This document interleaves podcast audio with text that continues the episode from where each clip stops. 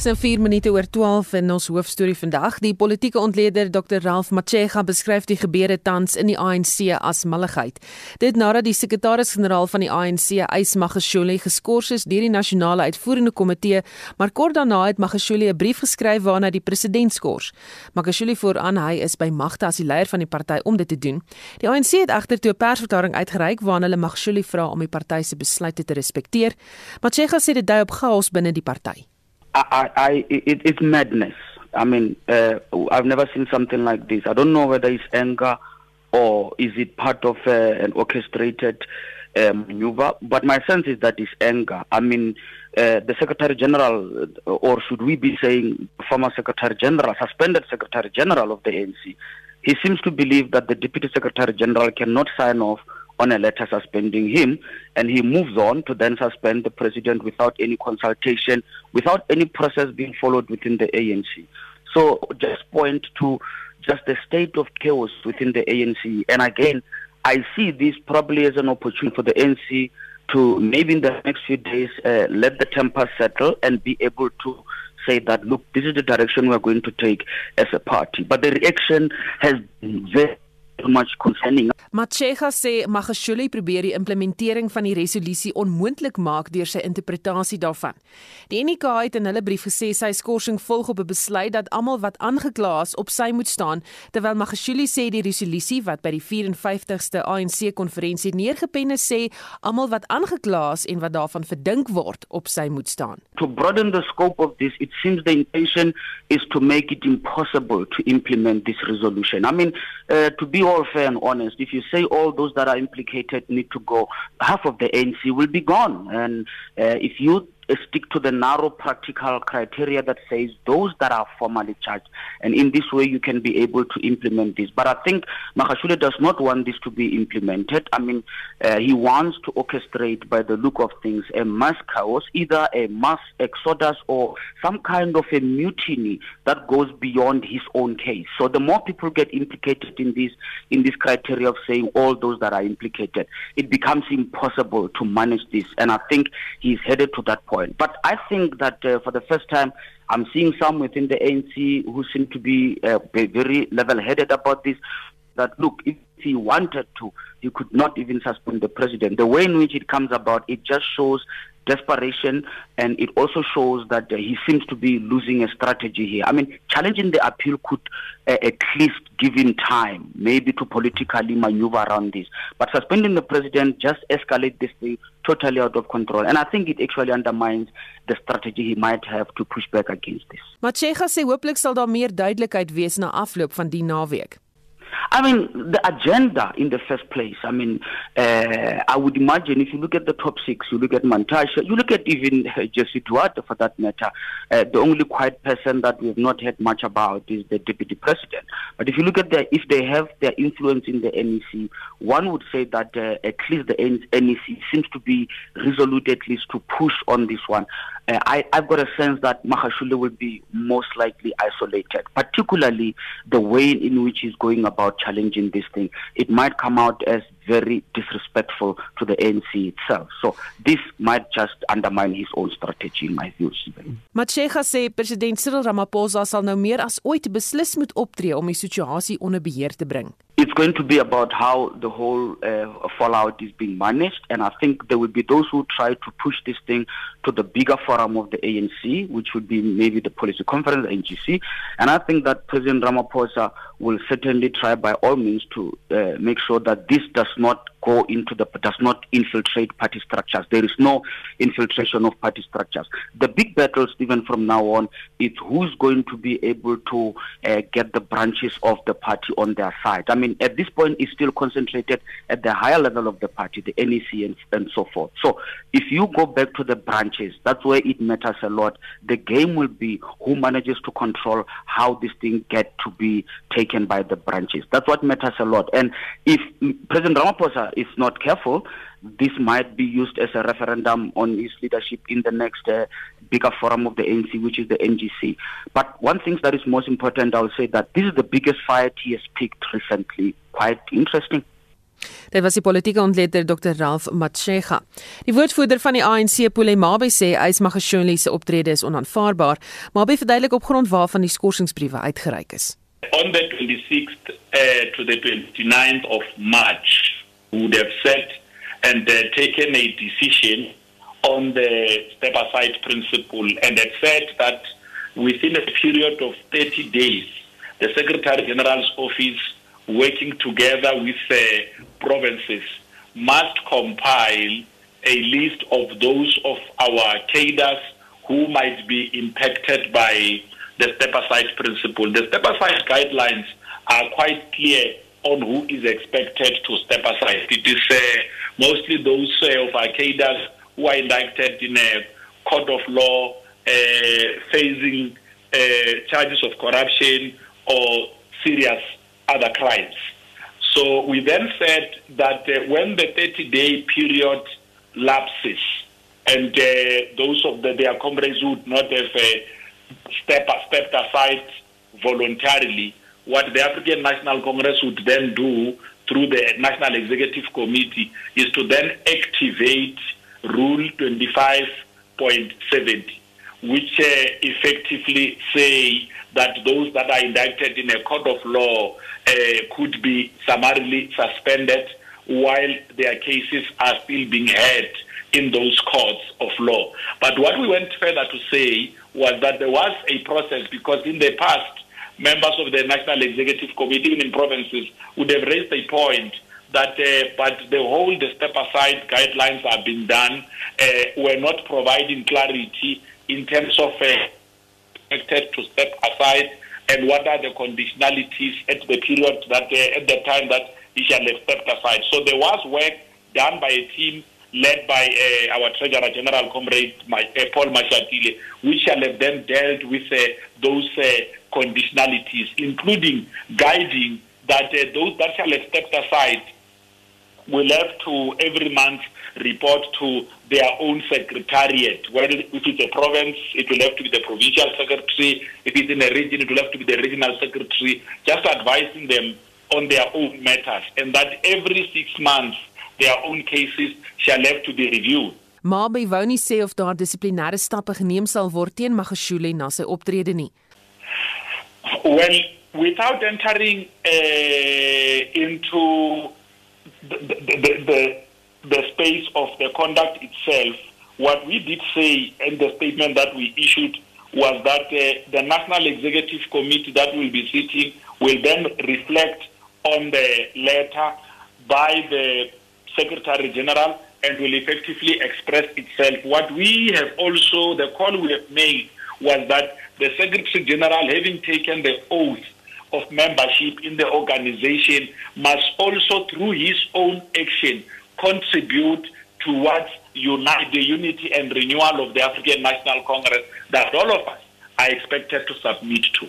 Mabe sê daar vind steeds gesprekke plaas onder mekaar binne die ANC oor die kwessie. And I've also spoken to the Secretary General this evening where he was confirming to me that he did indeed send a letter to the President and the Deputy Secretary General. Uh, the Deputy Secretary General has also been in contact uh, uh, with him as well. So we do talk to each other, even on the most uh, difficult of issues. I mean, that's what we do in the African National Congress. It doesn't mean when we disagree on an approach on a matter, we then cease to talk to one another. We do not, uh, we are Democrats.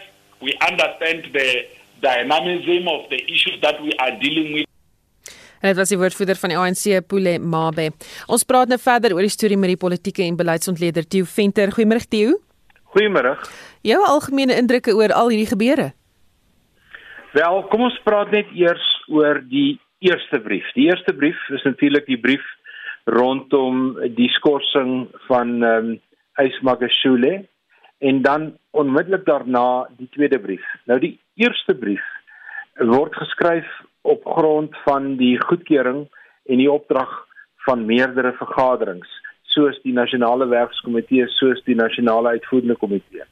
En die brief word geskryf deur Jesse Duarte wat maar eintlik maar net die amptelike verpligting namens hierdie meerdere liggame uitvoer. Die tweede brief, geskryf deur Ismail Geshule, is die werk van een man dit het geen draagkrag nie en dit het geen uitvoerende krag nie. So dit is maar 'n 'n 'n vinnige, ek wil amper sê, 'n 'n terugskop aksie van Ysmagashule en die implikasie van wat hy gedoen het is dat hy nou die eerste van die beperkings wat op hom geplaas word, naamlik dat hy nie meer amptelik as die party se sekspersoon kan praat of in enige enige amptelike hoedanighede nie.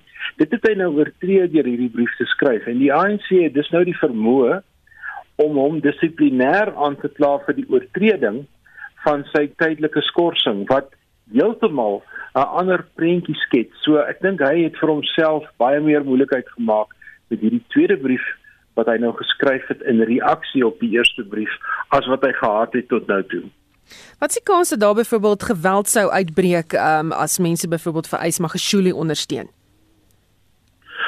Kyk, kyk ons ons moet dit nou um, in konteks sien. Dit mag wees dat daar in Tomahole in Parys of in Bloemfontein, 'n plekke waar hy spesifieke steun het, daar mense is wat opgewonde opgewonde kan raak en en miskien hier en daar in in 'n in 'n in 'n soort van 'n protesaksie kan ingaan, maar ek kan nie sien dat daar landwyd so iets kan gebeur nie. En as ek nou moet luister na die ANC se kokes wat vanoggend ontmoet het in die parlement, die nasionale kokes en hulle volledige ondersteuning van die besluite wat geneem is en ek um, kyk na die optrede van die NUK en ek kyk na hoe mense gestem het, dan dink ek het die het die steun wat Ysmagashule gedink het hy het het hy totaal um, oorskat. Um, ek dink uh, sy probleme is nou groter as wat dit ooit was. So wat kan die uiteinde wees vir die ANC? Waarop stuur hierdie gebeure af? Wel hierdie gebeure stuur af daarop dat 'n hele aantal ANC-lede, ehm um, ja, tussen 30 en 40 op die oomblik, ehm um, op sy sal moet staan. As hulle nie op sy staan nie, dan gaan hulle geskort word as hulle nie by hulle skorsing sou nie, dan word hulle uit die party uitgeskop. En mense sal weet wat in die ANC was uh in in in in leiersposisies bekleed het dat as jy een keer um uitgeskop word, dan is die woorde wat hulle gebruik dis baie koud daar buite. Iemand wat op die oomblike program op TV het uh, JJ Tabane was saam met my op die raad van die universiteit van die Noordwes Universiteit in die dae toe Cope gestig is. En hy was 'n baie vooraanstaande lid van die ANC wat Cope toe gegaan het en dit is presies sy woorde aan my. Dit is baie baie koud daar buite. En uiteindelik het JJ Tabani weer by die ANC aangesluit. Dis die werklikheid vir mense wat in die ANC is en hulle brood en botter verdien deur middel van hulle netwerke wat baie naby aan die ANC beweeg en almal waarvan ons nou praat funksioneer op daai basis. Weet ons al wie het nog briewe gekry en verdien hulle nog hulle salarisse? Wel, ek dink die salarisse verdien deel is die normale praktyk wanneer iemand geskort word. Onthou skorsing beteken dat jy uit die proses uitgehaal word, dat daar daarna ondersoek geneem word en as jy skuldig bevind word, dan dan jy uit. As jy onskuldig bevind word, dan gaan die gaan jou loopbaan gewoon weg aan. Dis nie 'n normale proses. So ek dink nie daar is vir my 'n groot kwessie daaraan verbonde nie en dit maak dit natuurlik ook ehm um, vir mense baie moeilik. Kom ons neem Ysmagashule se se geval. Hy moet op sy staan wat eintlik 'n ligweggeskorsing is. Uh, hy verdien nog steeds sy salaris, maar nou moet hy besluit wat is nou vir hom die belangrikste? om op te tree volgens sy beginsels of om nog steeds sy maandelikse salaris te kry. En daardie besluit is 'n baie moeilike besluit, nie net vir Ysvog Shule alleen nie, maar vir die meeste mense. As 'n mens moet besluit, dit gaan om den brode of dit gaan oor my beginsels. Daar's net 'n paar mense wat daardie besluit reg sal kan neem en wat die beginsel besluit neem en gewoonlik is dit ouens wat daardie tyd baie swaar kry. Baie dankie. Dit was die politieke en beleidsontleder Theo Venter. Spectrum, jou middagnuusprogram op RSG. Spectrum is ook beskikbaar op Potgooi. Gaan net na www.rsg.co.za. Klik op Potgooi en soek die Spectrum skakel. Spectrum, jou middagnuus aktualiteitsprogram net op RSG. So 19 minute oor 12. Minstens 2 mense is dood na dele van die Wes-Kaap oorstroom het. Die provinsiale regering sê veral die Kaapse wynland loop deur met heelwat skade wat aangerig is aan infrastruktuur. Plek plek is kragonderbrekings ook ervaar. En vir meer hieroor praat ons nou met James Brentstein, die woordvoerder vir die provinsie se minister van plaaslike regering. Goeiemôre James. Hi, hi Susan. Watter gebiede word die ergste geraak? Op die oomblik nogal wyd versprei. Suid-Kaap noodwendig strys baie meer as 100 mm gekry. Ehm um, en nou oornag het dit begin inbeweeg na die binneland toe. So plekke soos Robertson, Bonnievale, uh Kaapse Wynlandse distrik, soos jy genoem het, ook dele van die sentraal Karoo, plekke soos Ladysmith wat baie lanklaas goeie reën gekry het, spoel weg omtrent op die oomblik. So wyd redelik wyd versprei. Hoe gryp die provinsie in om inwoners by te staan? Al die alles rampbestuursentrums is op volle volle bystand en die ouens uh, jy weet koördineer al die uh, nood nooddienswerkers wat deur nag gewerk het. So daar's verskeie uh, aspekte waar ons help. Ehm um, ons het onder meer nou die lugmag ook ingeroep. Daar's 'n situasie in uh, een van die areas in die Oeverberg. So daar's verskeie plekke waar daar uitdagings is, maar ons doen wat ons kan. En uh, julle verwag verdere reën neerslaat julle raad aan inwoners. 'n groot 'n groot ding is dat mense nie deur water wat vloei oor die pad moet ry nie. Ons dis ook waarskynlik waar die situasie gisterand gebeur het. Die vragmotor waar die twee mense in was het omgeval en hulle het ongelukkig uh, verdrink. Uh so mense moet versigtig wees. Daar's baie vinnig lopende water, baie groot volumes water wat afkom van die berge af ook. Mense moet versigtig wees. Paaie het verspoel in verskeie verskeie dele. Uh en mense wat vasgeval is of wat wat 'n noodverkeer met die nood met die owerhede onmiddellik inroep, daar is hulp op op bystand om, om om te kom help. Moet jy self gaan om te be, be, te probeer mense help en dan ook in die moeilikheid kom nie. Ehm um, dis maar van die van die van die tips wat ek kan gee. Die nommer wat mense kan onthou is 112. Dis die maklikste nommer. Baie dankie. Dit was James Brentstein, die woordvoerder vir die provinsie se minister van plaaslike regering, omgewingsake en ontwikkeling Anton Bredel. Daai noodnommer net weer 112. COVID-19 gevalle in Suid-Afrika het in die afgelope 24 uur met meer as 70% toegeneem met 2073 nuwe gevalle wat aangemeld is. Die dodetal in die land staan nou op 54557 nadat 46 mense weens COVID-19 verwante oorsake dood is. En vir meer hieroor praat ons nou met Dr. Kloete van Vieren infeksie siekte spesialist by 3 Militêre Hospitaal in Bloemfontein. Goeiemôre Kloete. Goeiemôre Susan. Daar is 'n drastiese stygings in infeksies. Wat is die toedrag van sake op die oomblik? Wel, Susan, soos jy gesê het, jy weet, dit is nou die eerste keer sedert uh, 18 Februarie wat ons meer as 2000 gevalle op 'n dag aanmeld. Maar mens moet daarom na die bewegende gemiddelde kyk, net ons feit hierdie sewende dag bewegende gemiddelde want ons weet in die middel van die week suiwer maar net van administratiewe redes word daar meer gevalle aangemeld as oor die naweek. Maar uh, jy weet, ons sien al vir die afgelope maand en 'n half 'n uh, konstante toename in gevalle in die Vrystaat, in die Noord-Kaap en nou begin dit in in Gauteng in die Noordwes ook toeneem. Jy weet en on, ons kan dit in die hospitale ook sien. Jy weet die hospitale in Bloemfontein is vol en uh ek dink die probleem kom daarby in jy weet mense maak so sommer sulke berekeninge van kriminaliteit en sê daar is soveel mense al uh, geïnfekteer so dit behoort nie meer te gebeur nie. Maar jy weet hierdie goed word nie eweredig versprei. Jy weet as jy nou uit uitbraak het in uh Betuli en almal word siek daar en jy 100% van die mense immuun. Uh maar jy tel hulle by die mense van Lady Brand. Lady Brand sal niemand immuun. Maar dan kry jy 50%, maar ons weet ons sien nou al hierdie klein dorpies daar voorheen die uitbrake is. Nou is daar uitbrake.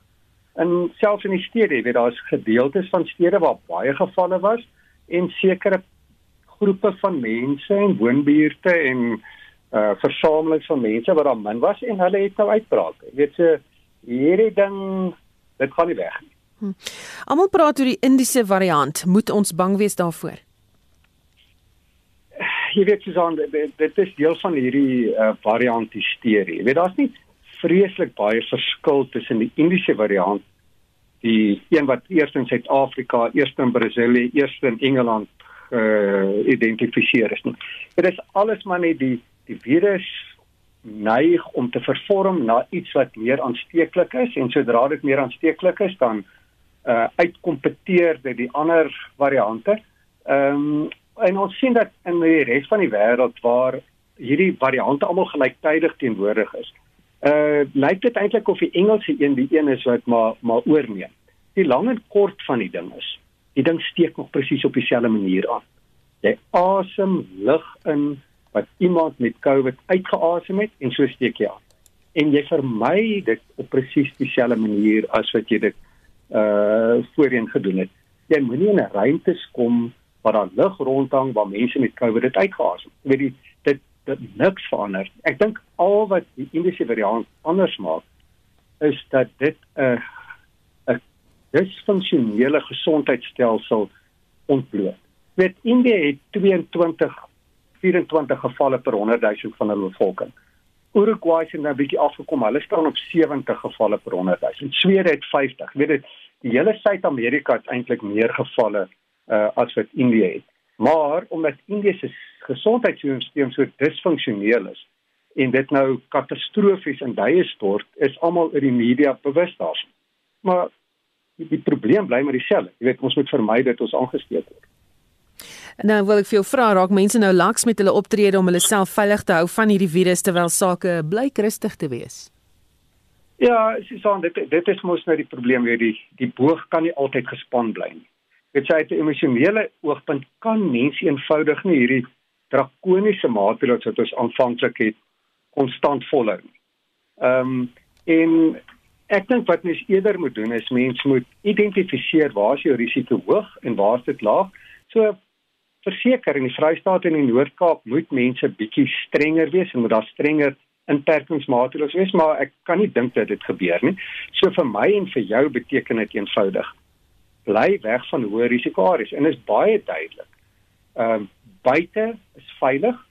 So ek het onlangs 'n studie gesien waar hulle gekyk het na as jy lugversorging binne insit, vensters oopmaak, lugfilters insit, jou tyd binne in huis beperk, minder mense toelaat, dit dan elkeen van daai goed maak die risiko bietjie kleiner. Maar die oomblik as jy buitentoe gaan en nie in iemand se gesig staan nie, dan neem die risiko dit verdwyn eintlik, nee. So enige iets as jy weet ek ek sê altyd as jy 'n sigaret aansteek en iemand kan daai sigaret rook ry, dan kan jy ook COVID lig inasem. Buite gebeur dit. Ehm um, so alles wat jy buite kan doen, moet buite gedoen word ek dink dis hoekom ek ook nie verstaan, jy weet, sportbyeenkomste en bywoning daarvan. Dis 'n bietjie daai normaliteit weg uh, terugbring en in jou restaurante dan sorg dat jy buite eet en buite sit. Dan kan ons die risiko minder maak en ek dink mense moet daai konsep verstaan. Maar dat uh, dinge besig om slegter te word weer, nou ja, dis verseker. Baie dankie. Dit was dokter Kloete van Vieren Infeksie Siekte Spesialis by 3 Militaire Hospitaal in Bloemfontein. En soos ons vroeër berig het, sê die Vryheidsfront Plus dat die Suid-Afrikaanse regering eh, so 'n groot agterstand het met sy inentingsprogram dat hy land nie kan bekostig om nou 'n nuwe variant van dominant of wat dominant is eerder in Indië uh, ook te bekamp nie. Die Vryheidsfront Plus sê die land se grense moet gesluit word vir enigiemand afkomstig van Indië. Dit volg nadat 14 Filippynse bemanningslede met COVID-19 gediagnoseer is nadat hulle op 'n skip van Indië in Durban aangekom het. Maar wat is die diplomatieke implikasies van so iets? En ons praat nou met die politieke ontleder van Unisa professor Joansi van Wyk. Goeiemôre Joansi.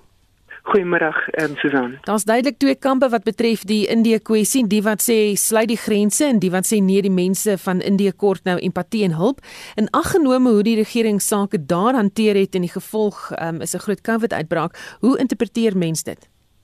Ja, ons het gister gehoor dat die minister van gesondheid tans met sy advieskomitee konsulteer om dan uit te vind wat is die stand van sake rondom um, hierdie spesifieke variant wat dan nou uh, um, in Indië ontstaan het of uitgekom het.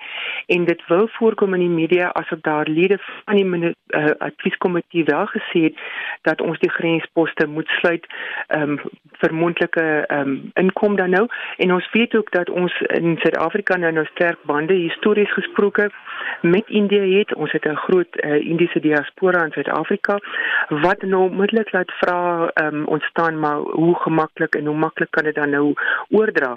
Dit is ook diplomatiek politieke front is dit nou ook 'n sensitiewe saak, ehm um, want Suid-Afrika kan dan nou gesien word as een van sy belangrike vennote in BRICS BRICS of dan in IPSA wat ons dan nou die deure voorsluit maar wat ons nie besef nie is dat ons kan in elk geval na byvoorbeeld 'n land soos Indië nie reis nie want dit is 'n land wat al reeds byvoorbeeld baie streng ehm um, beperkings op Suid-Afrika het. So die punt is net ons moet besef dat Suid-Afrika alreeds ongeveer deur 117 lande ehm um, verhoed word om in te kom. Ehm um, wat dan beteken in elk geval dat ons is reeds onderhewig aan soortgelyke ehm um, beperkings. So die diplomatieke uitval hiervan gaan gaan basies dan nou miskien nou in die eerste plek wees hierdie politieke ry en minister Ntisi het ook gister dan nou gesê dat die ding moet nou nie 'n ras ondertoon ontwikkel nie. Ehm uh, maar dit is tog 'n nasionale belang dat ons wel besluite moet neem rondom internasionale reis. En dit um, na verwagting sal die minister dan nou um, en moontlik ook dan nou die adviesraad die die corona raad um, besluit daaroor neem. Moet mense nog sensitief wees vir diplomatieke kwessies in 'n tydperk waar mense sterf aan 'n virus wat nog nie onder beheer is nie? Goed, hierdie tipe goed word natuurlik baie nou ook binne die Wêreldgesondheidsorganisasie bespreek byvoorbeeld daar het uh, onlangs 'n uh, besprekingsdokument van die Wêreldgesondheidsorganisasie uitgekom wat van hierdie etiese vrae juis aangespreek word. Hoe moet lande teenoor mekaar optree wanneer hierdie tipe um, goed gebeur dat daar uh, veral rondom die verskillende variante dan nou ook dan nou 'n tipe van 'n uh, tipe van 'n koloniale mentaliteit um, ook dan nou ontstaan van um, wat wat dan nou 'n spanning tussen state kan kan gee. So state is dan nou besig op lidlande van die gesondheidsorganisasie om na hierdie tipe etiese kwessies te kyk.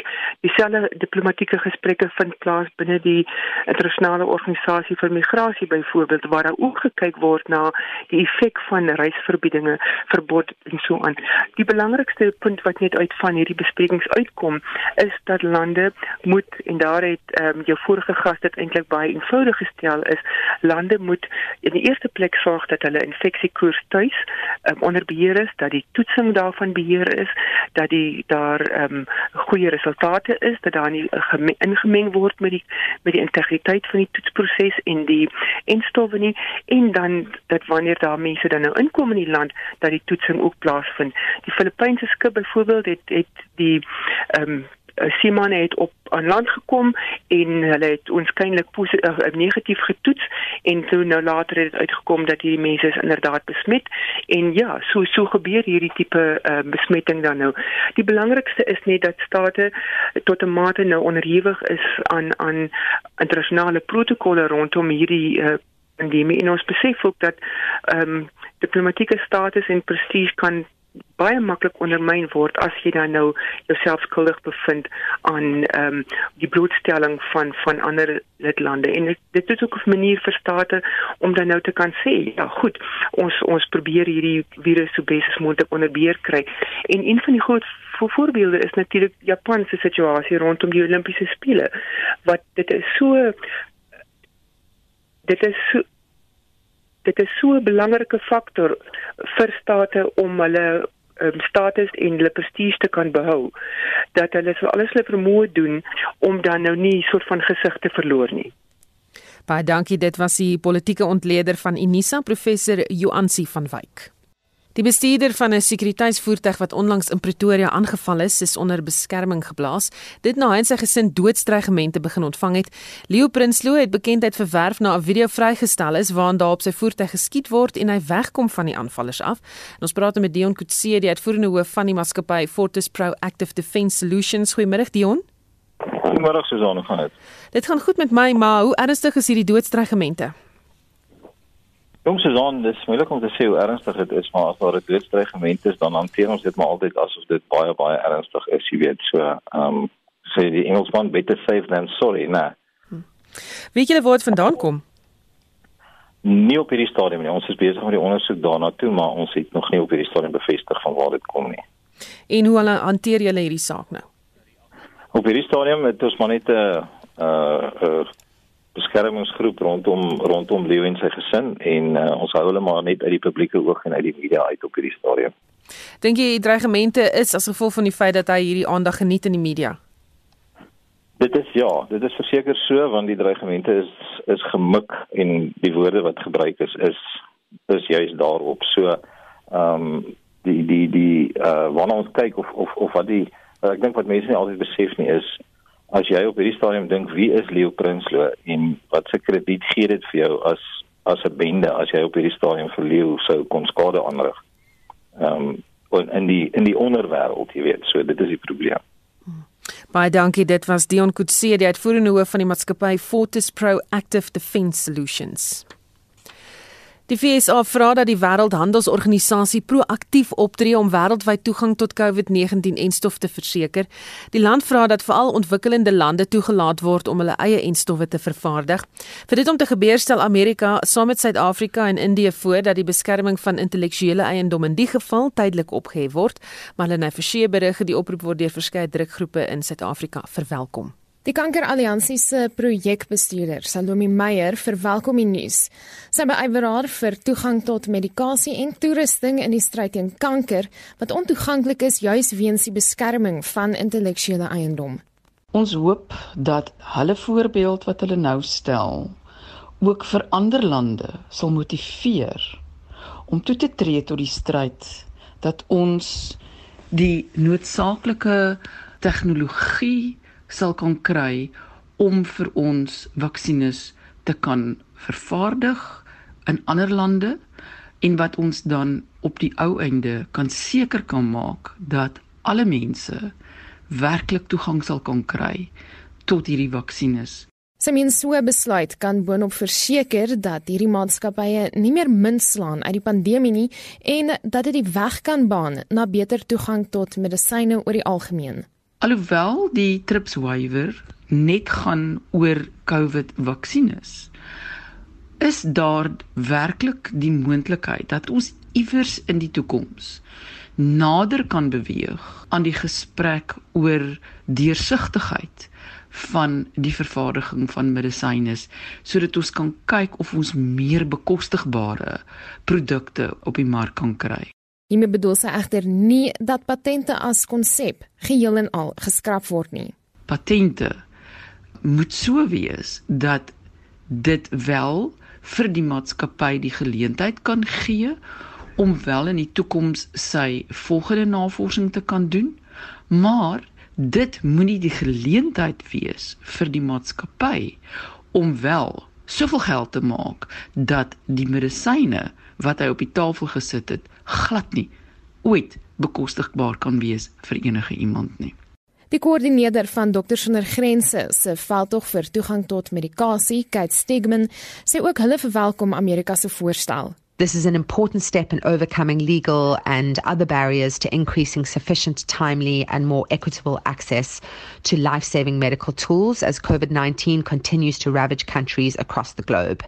This decision is a result of impressive global solidarity and mobilization by civil society organizations, including Doctors Without Borders and many others around the world. This has really been a tireless advocacy effort.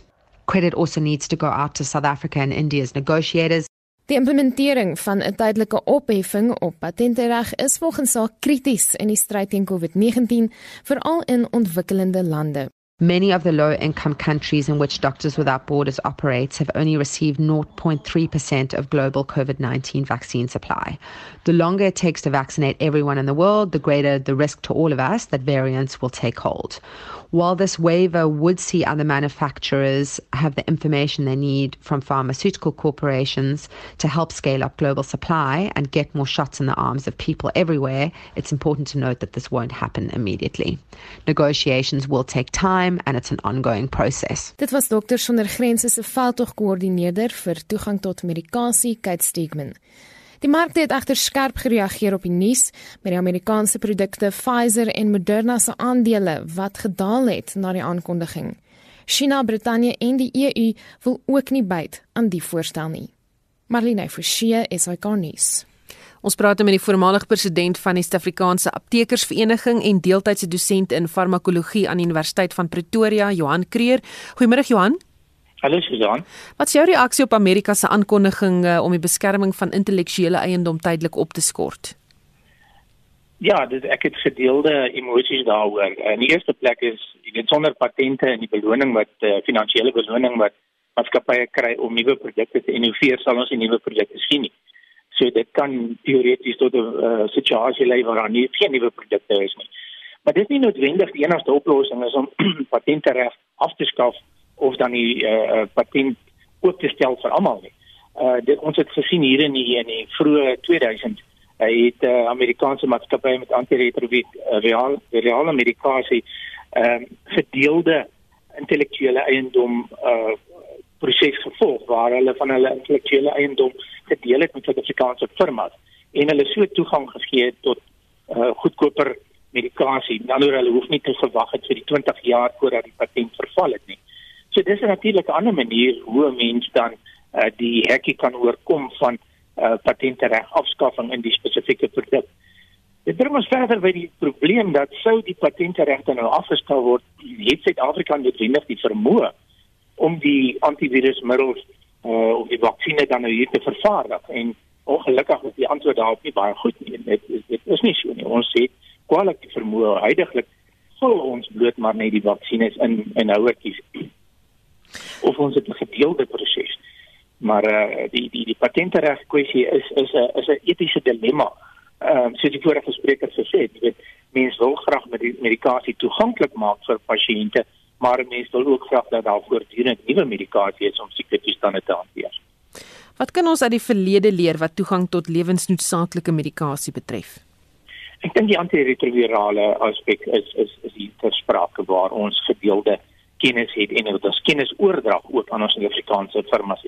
En dit is belangrik dat ons uh, bly lê in ons eie ontwikkeling van uh, vaksines. Ons het in die vroeë vorige eeu van 1935 af al die die Suid-Afrikaanse Mediese Navorsingsraad uh sekere vaksines geproduseer en ehm um, die produksie van die vaksines het heidaglik omtrent tot wel dit heeltemal tot stilstand gekom in Suid-Afrika. So ons moet weer eens belê dat ons nie net 'n uh, uh, 'n navolger is van oorsese innovasie, maar dat ons ons eie produkte kan vervaardig.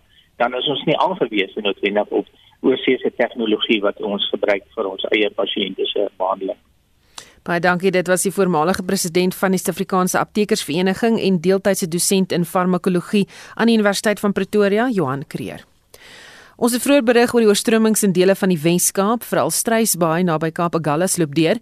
Die burgemeester Paul Swart het verskeie woonbuurte besoek en uh, sluit nou ook aan by ons. Goeiemôre Paul. Goeiemôre. Hoe ernstig? Hoe ernstig is die situasie daar? Ja, ehm um, ons het al redelike onderhoude vandag toegelaat of uh, toegestaan. Eh uh, straatspaas het nou redelik onder beheer. Uh, die grootste uitdaging was gister met eh uh, gisteroggend hier van 9:00 af by die verskriklike albei en die verskriklike die storm wat plaasgevind het en veral in die laagliggende dele van Struisbaai, eh uh, die hele Struisbaai na Gallas maar veral ook in Struisbaai Noord eh uh, waar ons uh, water waar stormwater probleme eh uh, en dreineringsprobleme uh, probleme het, was daar redelike klompie mense wat eh uh, jy weet sy huise was heeltemal oorstroom, uh knie diep in die water. Ek was uh in van die huise in self geloop en in die strate uh geloop wat jy weet knie diep en en die groot uitdaging is nou natuurlik uh die meeste van die mense se huise is nat. Uh daar's nie droë kombers nie, daar's nie die die, die kinders is honger. So ehm uh, um, ons het ook nou gift of the givers gehad. Ons het regelike uh, donasies ingekry so ons wil kyk dat die mense, jy weet, eh uh, na die die droogkombers wat dit is om met klasse in te kry. So as dan nog mense wat uh, sulke goede vir ons kan skenk, dat is net eh uh, jy weet hierdie mense kan help uh, veral in hierdie tye van nood nou hierdie oomblik. Wat anders uh, gaan julle doen om uh, jy weet verdere skade te verhoed want kom daar dalk nog reën? Ja, ehm um, ons uh, bystandsspanne is uh is is is in Strysbaai uh en oral uh is ontplooi. Ehm um, ons het trokke wat pompe as hierdie verkeer is hier so albei spanne is so. Ehm um, ons verwag nog 'n bietjie reën. Uh die eerste die water is uh, jy weet dit se loop gekry.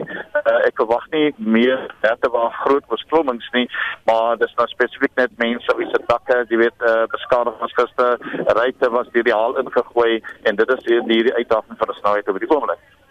Baie dankie. Dit was Paul Swart, die burgemeester van Struisbaai naby Kaap Agulhas.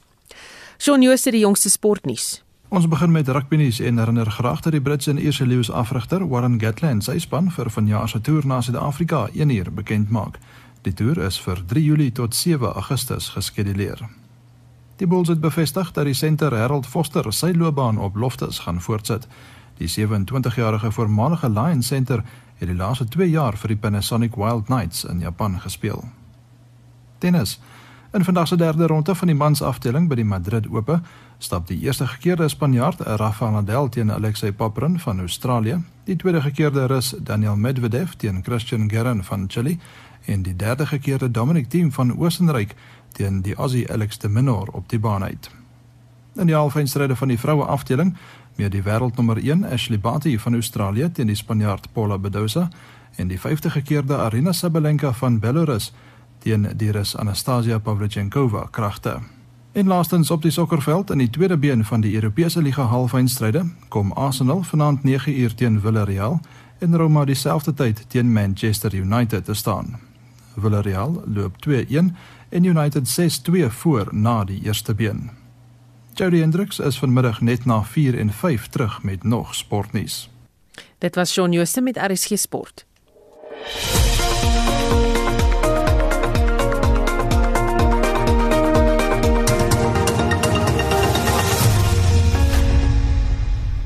'n Bekende fluitspeler in die land se musiekkringe het 'n beloning uitgeloof vir haar twee fluitte wat verlede donderdag in die Kaapstad se middestad in 'n restaurant gesteel is. Louisa Tiart is die afgelope 13 jare ad hoc lid van die Kaapstad se Filharmoniese Orkees en tree gereeld by ons land se grootste kunstefeeste op. Sy sê haar Muramatsu fluit met sy handgemaakte kopstuk en Pearl Piccolo fluit is vir haar meer as goud werd en ons praat nou met haar. Goeiemôre Louisa. Goeiemôre Suzan, dankie vir julle tyd. Wat maak vir al die uh, Muramutsa fluit met sy handgemaakte kopstuk so spesiaal en hoeveel is dit werd? Suzan, ehm um, die instrumente is omtrent so 'n bietjie meer as 100 000 rand werd. Ehm um, ek het uh, die die kopstuk is handgemaak. Ek het dit in Londen gekry toe my ma dit vir my gegee het as 'n as 'n persent um, nadat ek my meestersgraad daar gekry het. Ehm um, die instrumente is is handgemaak en die die die Muramatsu fluit gedeelte nie die kopstuk nie kom uit Japan uit dit word ingevoer. Ehm um, natuurlik ehm um, is daar geen tweedehandse of swart mark vir hierdie instrumente in Suid-Afrika nie omdat ons so min klassieke musikante is. So daar is regtig nie 'n kans dat hulle maklik verkoop gaan word nie.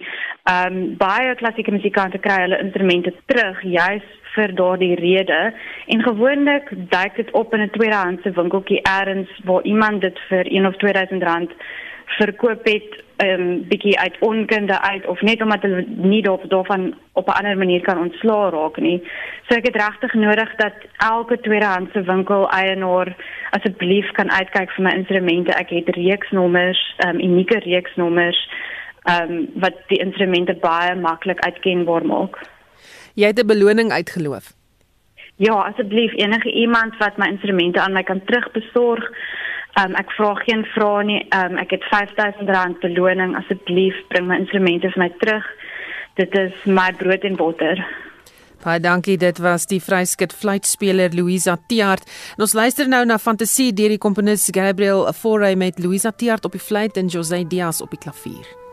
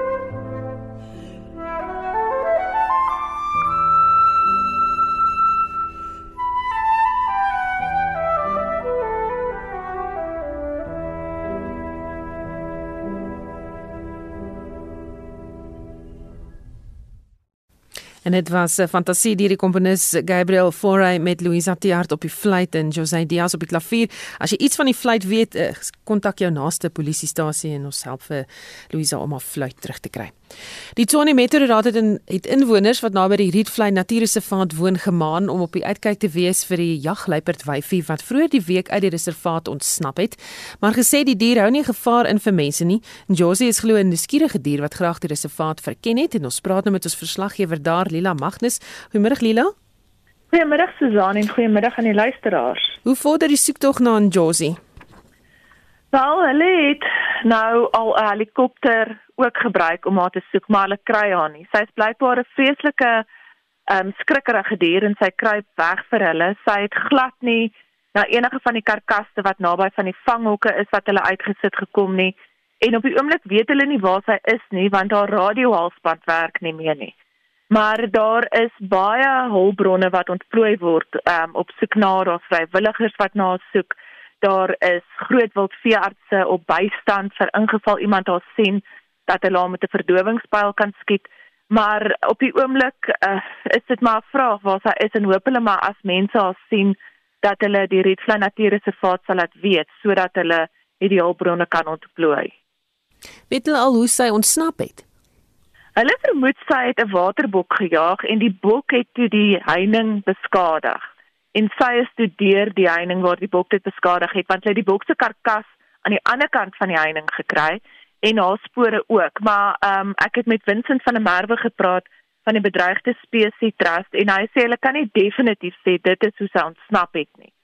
Ehm um, hy het ook gesê dat sy hou nie 'n gevaar in vir groot mense nie, maar hy sou mense in die omgewing waar hulle vermoed sy is aanraai om hulle kinders binne te hou. Ehm um, want uh, sy is 'n wilde dier en klein kindertjies um, kan dalk 'n teken vir haar wees.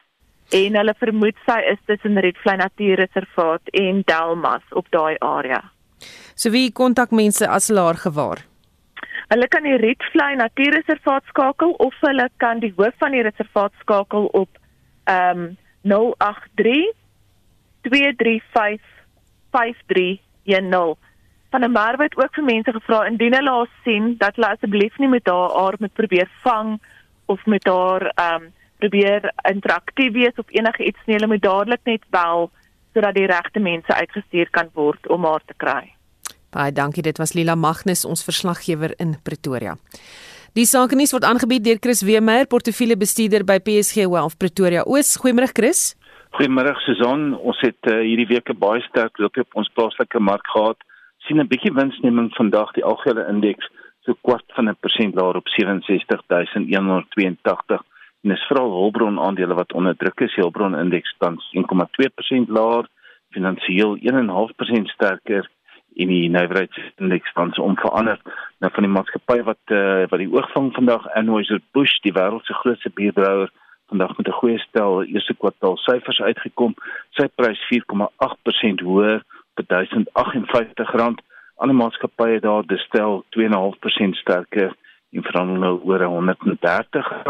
Remgro 2,3% hoër op R111.35. En uh, dan by die banke sien ons Discovery vandag 2,8% hoër 141.65 Capitec wat gister ex-dividend gegaan het vandag nog 2,2% hoër by R1550 en soos ek gesê het by die miners goudmyners maar bietjie onder druk. Uh, ons sien ook Anglo Platinums nou 4,7% laer by R1859 en Northern uh, 3,4% laer op R243,73 so 'n interessante dag op die mark vandag. In Europa wel sien ons dat uh, die markte daar marginaal hoër verhandel. In Londen die FTSE nou 0,2% sterker, Frankfurt die mark nou 0,05 van 'n persent hoër. En in Parys die kerk nou tans onveranderd. Die rand uh, ook sterker vandag op R14.27 vir Amerikaanse dollar, 'n euro op R17.20 en 'n pond kos nou R19.85. Die goudprys op 1790 dollar bevyn ons uh, ons sien platinum op 1236 dollar ons en Brent olieprys nou op 69 dollar 2 per vat. Dis al van my kant af vandag. Baie dankie. Baie dankie en die sake nuus is aangebied deur Chris Weemeyer, portefeuljebestuurder by PSG Wealth Pretoria Oos. Marlenae Forsie som vir ons die dag se nuus op Marlenae. Ja, Susan, vroeër het die politieke ontleder Dr. Ralph Machega gesê die ANC is in chaos gedompel en dit volg nou op die sekretaris-generaal Ismagashule se skorsing en sy besluit om daarna in 'n brief te skryf dat hy die president gaan skors. It's madness. I mean, I've never seen something like this. I don't know whether it's anger or is it part of uh, an orchestrated maneuver. I'm seeing some within the ANC who seem to be very level-headed about this. that look, if he wanted to, he could not even suspend the president. The way in which it comes about, it just shows desperation and it also shows that uh, he seems to be losing a strategy. En dan die bestuurder van 'n sekuriteitsvoertuig wat onlangs in Pretoria aangeval is, is onder beskerming geplaas. Hy en sy gesin ontvang nou doodstrygemente. Nou Dion Kutse het vir op die program gesê die uitvoerende hoof van die maatskappy Fortis Proactive Defence Solutions, dis nou Dion Kutse, die dreigemente is 'n direkte uitvloeisel van die bestuurder Leon Prinsloo se video waarin hy transito-rowers laat les op sê. Dit is ja, dit is verseker so want die dreigemente is is gemik en die woorde wat gebruik is is is juist daarop. So ehm um, die die die uh wanneer ons kyk of of of wat die uh, ek dink wat mense nie altyd besef nie is as jy op hierdie stadium dink wie is Leo Prinsloo en wat se krediet gee dit vir jou as as 'n bende as jy op hierdie stadium vir Leo sou kon skade aanrig. Ehm um, in die in die onderwêreld, jy weet, so dit is die probleem. En dan in die Wes-Kaap, die winterstorm daar duur voort. Ons het vroeër by van die luisteraars gehoor, hulle praat daarvan as die swart reën. Nou James Brent Stein, die woordvoerder vir die provinsie se minister van plaaslike regerings, hou op ons op hoogte van sake. Nou oornag het dit begin inbeweeg na die binneland toe. So plekke soos Lady Smith wat baie lanklaas goeie reën gekry het, spoel weg omtrent op die oomblik. So wyd redelik wyd versprei. Alles rampbestuursentrums is op bystand en die ouens uh, jy weet koördineer al die uh, nood nooddienswerkers wat deur nag gewerk het. So daar's verskeie uh, aspekte waar ons help. Ons het onder meer nou die lugmag ook ingeroep. Daar's 'n situasie in uh, een van die areas in die Oeverberg storie daar wat natuurlik nog besig is om te verwikkel en ons hou dit dop. Môre hoor ons jous by die landbougemeenskap hoe hulle die storm ervaar en ook watter waarskuwings hulle het aan gemeenskapslede. Jy kan ook jou ervarings met ons deel op Monitor en Spectrum se Facebookblad. Dankie Marlene met daardie opsomming net weer die Rietvlei Natuurreservaat se bestuurder se nommer as jy dalk die uh, luiperd jagluiperd gewaar dis 083 235 5310 083 235 5310 as jy daardie Rietvlei uh, Natuurreservaat se jagluiperd gewaar. Die vorige uitsendings van Spectrum is beskikbaar op Potgooi gaan net na die RC webblad www.rc.co.za. daarmee groet die Spectrum span. My naam is Susan Paxton. Geniet jou middag.